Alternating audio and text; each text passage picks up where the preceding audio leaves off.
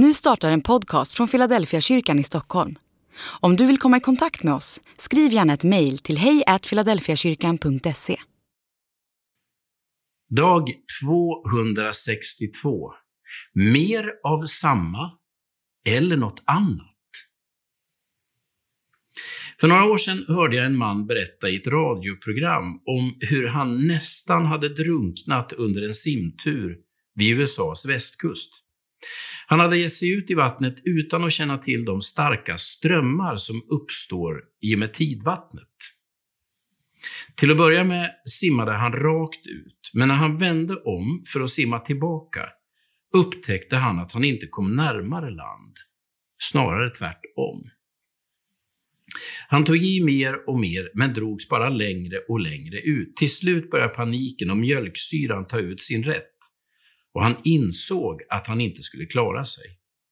När, när reporten frågade hur det kom sig att han ändå överlevt svarade mannen att det var så enkelt som att han hade börjat lyssna.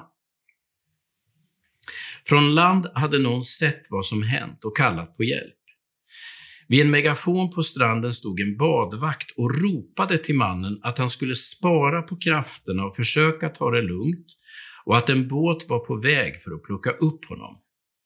Lösningen i mannens situation var inte mer av samma, utan något helt annat. Nyckeln till att han klarade sig var att han började lyssna.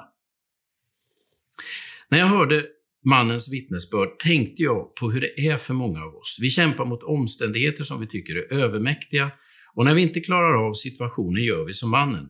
Vi tar i ännu mer. I berättelsen om Maria finns en nyckel till det vi kallar för kristet liv eller kristen spiritualitet. Det handlar inte om att ta i mer, utan om att sätta sig vid Jesu fötter och lyssna. Nyckeln till kristen tro är inte din egen aktivitet och ansträngning, utan vilan vid Jesu fötter.